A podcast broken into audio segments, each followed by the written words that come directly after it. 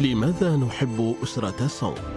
دعونا نستكشف السحر الفريد لأسرة ينظر إليها كونها واحدة من أعظم الأسر الإمبراطورية في تاريخ الصين.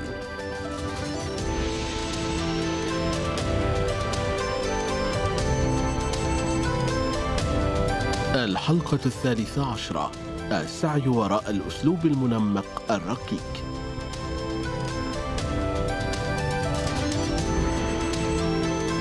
في الحلقات القليلة القادمة سنغطي المزاج الفني لأسرة سونغ ما الذي جعلهم مبدعين ومبتكرين لهذه الدرجة؟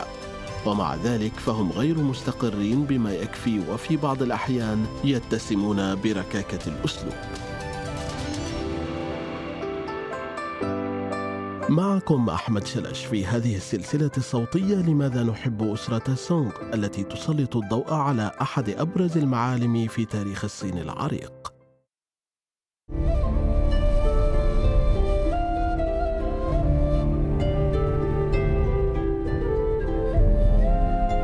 وسط عالمنا المرهق هذا نجد أنفسنا في سعي دائم وراء راحة البال والتنوير.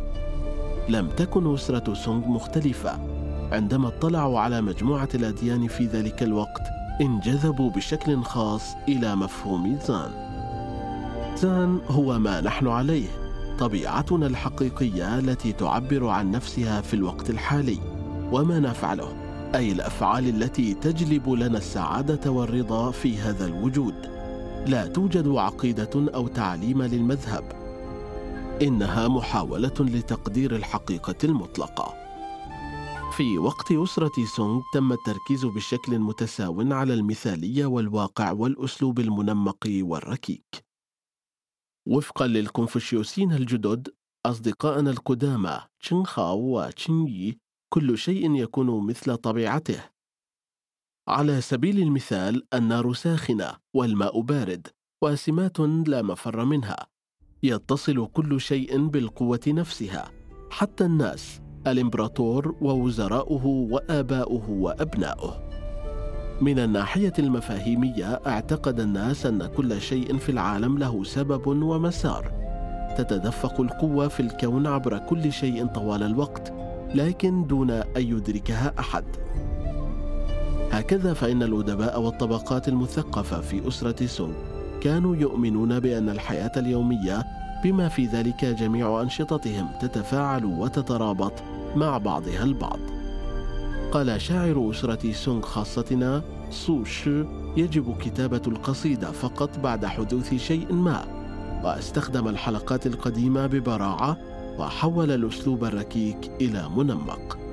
أصر زميله الأستاذ خوان تينجيان على أن التعامل مع الركاكة على أنها الأناقة ومع القديم على أنه جديد مثل فن الحرب فإن هذا سيجعلك منتصرا دائما. شرح سريع لتلك الإشارة إلى فن الحرب. كان هذا بحث شهير للغاية كتب قبل حوالي 400 عام من عهد أسرة سونغ. قيل إنه كتب بقلم الاستراتيجي العسكري الصيني القديم سونزو أو العلامة سون. إنه مقسم إلى 13 فصلا وفي الواقع لا يزال يقدم قراءة جيدة جدا حتى يومنا هذا.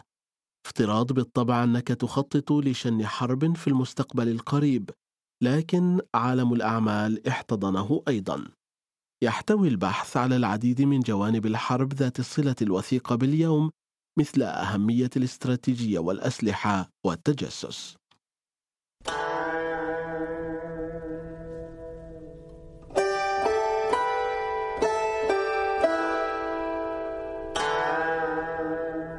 لكن دعونا نعود إلى الأمور الأكثر جمالية. إن الأسلوب المنمق والركيك مرتبطان ببعضهما البعض وكذلك الشعر والخط والرسم. اقترح سوشي أن ما لا تستطيع القصائد التعبير عنه يمكن الإشارة إليه في أعمال الخط أو تصويره في اللوحات. حتى أن زميله خوان جيان ربط مشاهد الحياة بالمناظر الطبيعية. قائلا إن الصداقة مثل مشهد جميل والجبال والأنهار هي لوحات للخالق المبدع. بفضل هذه النظرة للعالم غطى الفن جميع جوانب الحياة. لدينا الكثير من المصنوعات اليدوية التي نرجع إليها لفهم أسرة سونغ. هنا يصطدم التاريخ والفن. قد ينظر المؤرخون إلى لوحة ما ويرون كيف يعيش الناس وما يرتدون والأنشطة التي تتم في الحياة اليومية وما إلى ذلك. مما يمثل عقلية أسرة سونغ. يرى المؤرخ الأعمال الفنية كاللوحات والخط والشعر نوافذ على عالم مضى. كان الفنانون ومؤرخو الفن يفتحون تلك النافذة ويتحدثون مع الأشخاص الذين تم تصويرهم. كما سمعنا في الحلقة الخاصة بنا عن فن الخط غالبا ما كان الفن يستخدم لإثبات وجهة نظر أو لكشف الفساد وإبراز الظلم الاجتماعي وما إلى ذلك. هل تتذكر اللفيفة المرسومة على طول النهر خلال عيد تشينمين من جانب آخر يمكنها أن تعمل كوسيلة للدعاية أيضا. تشتهر أسرة سونغ بظهور لوحات البلاط والفنانين المحترفين والرسومات الأدبية. كان الهدف من العديد من اللوحات هو الدعاية للأغراض السياسية وإظهار السلطة الإمبريالية والمرتبة الاجتماعية والثناء على فضائل القديسين وإبراز العلامات الميمونة والتعليق على الشؤون الجارية. إنها تعكس المواقف السياسية السائدة آنذاك وتلفت انتباهنا إلى جهودهم لتوجيه الرأي العام وتأمين موقع متميز في مجال الثقافة.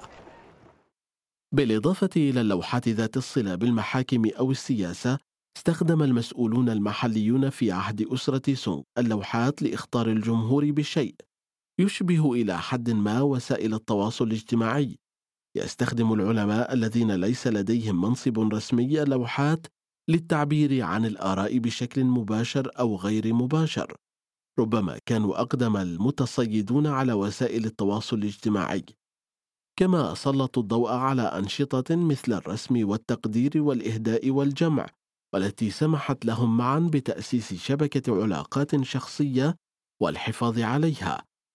إلى أي مدى يبدو هذا مألوفا لمستخدمي ويتشات وويبو وفيسبوك وتويتر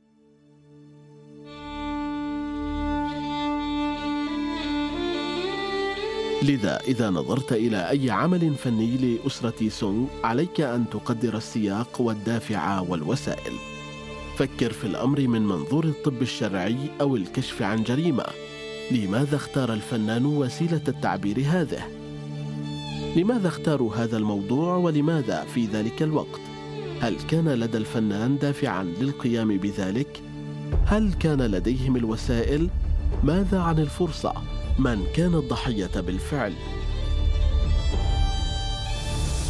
في حين اننا غالبا ما نقول هذه الأيام اننا ننظر أو نرى لوحة أو عملا فنيا آخر في أوقات أسرة سونغ كانوا يقولون إنهم شاهدوا مشهدا كانت هذه كلمة مختارة بعناية.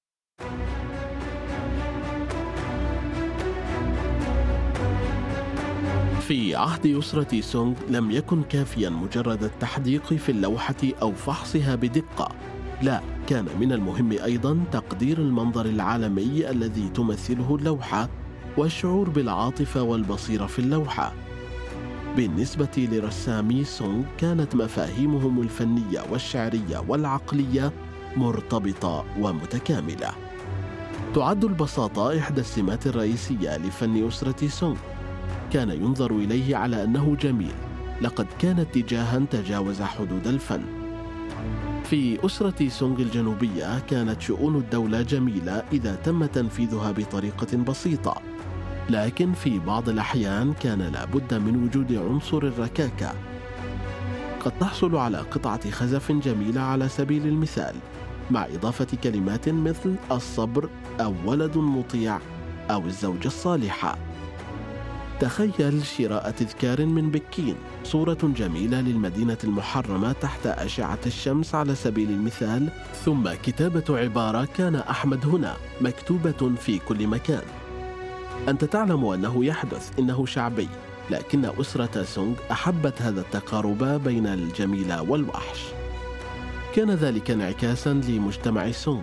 كانت البيئة الاجتماعية معقدة ومتغيرة باستمرار. تتقلب بين الحرب والسلام بشكل منتظم. تناوبت المشاكل مع الازدهار والروعة. كان السلام والضجيج موجودان في نفس المكان. احترم المبدعون الفنانون والشعراء والخطاطون حقيقة أن الحياة كانت معركة مستمرة بين التكوين والفوضى والرضا والحاجة والأيديولوجيا واليقظة والذوق والركاكة. كان الفن أنيقا وباليا في الوقت نفسه. لكن لكل جانب مكانه. لم يكن هناك مكان للتعقيد القبيح في مجال إدارة الدولة على سبيل المثال. لكن القدم والقبح الجرأة والركاكة كانت دائما اللبنات الأساسية للجديد والمنتعش والجميل والأنيق. كان الماضي لوحة الألوان بالنسبة للرسام.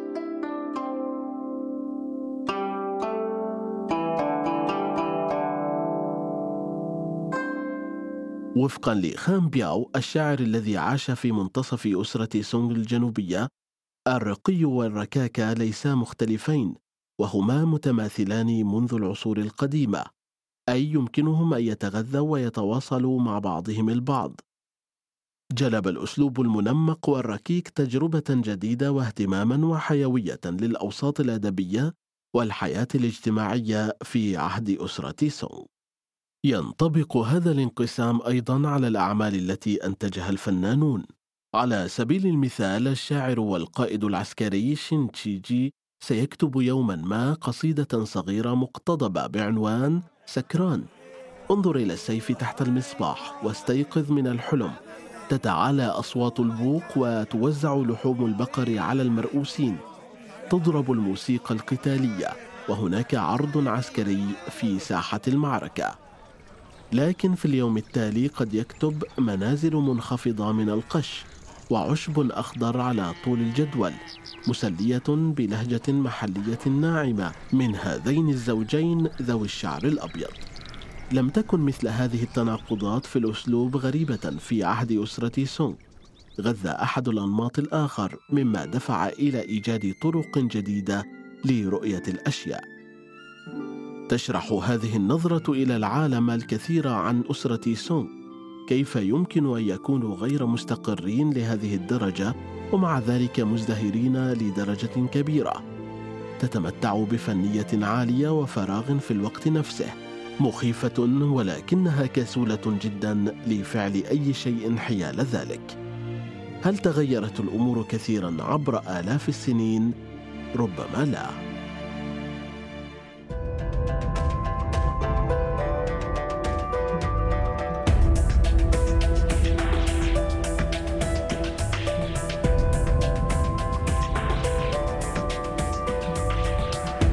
شكر خاص إلى سانيان تشوندو الذين ساعدوا في تأليف محتوى هذا البرنامج. كان معكم أحمد شلش. نشكركم على حسن استماعكم. انتظرونا في الحلقة القادمة.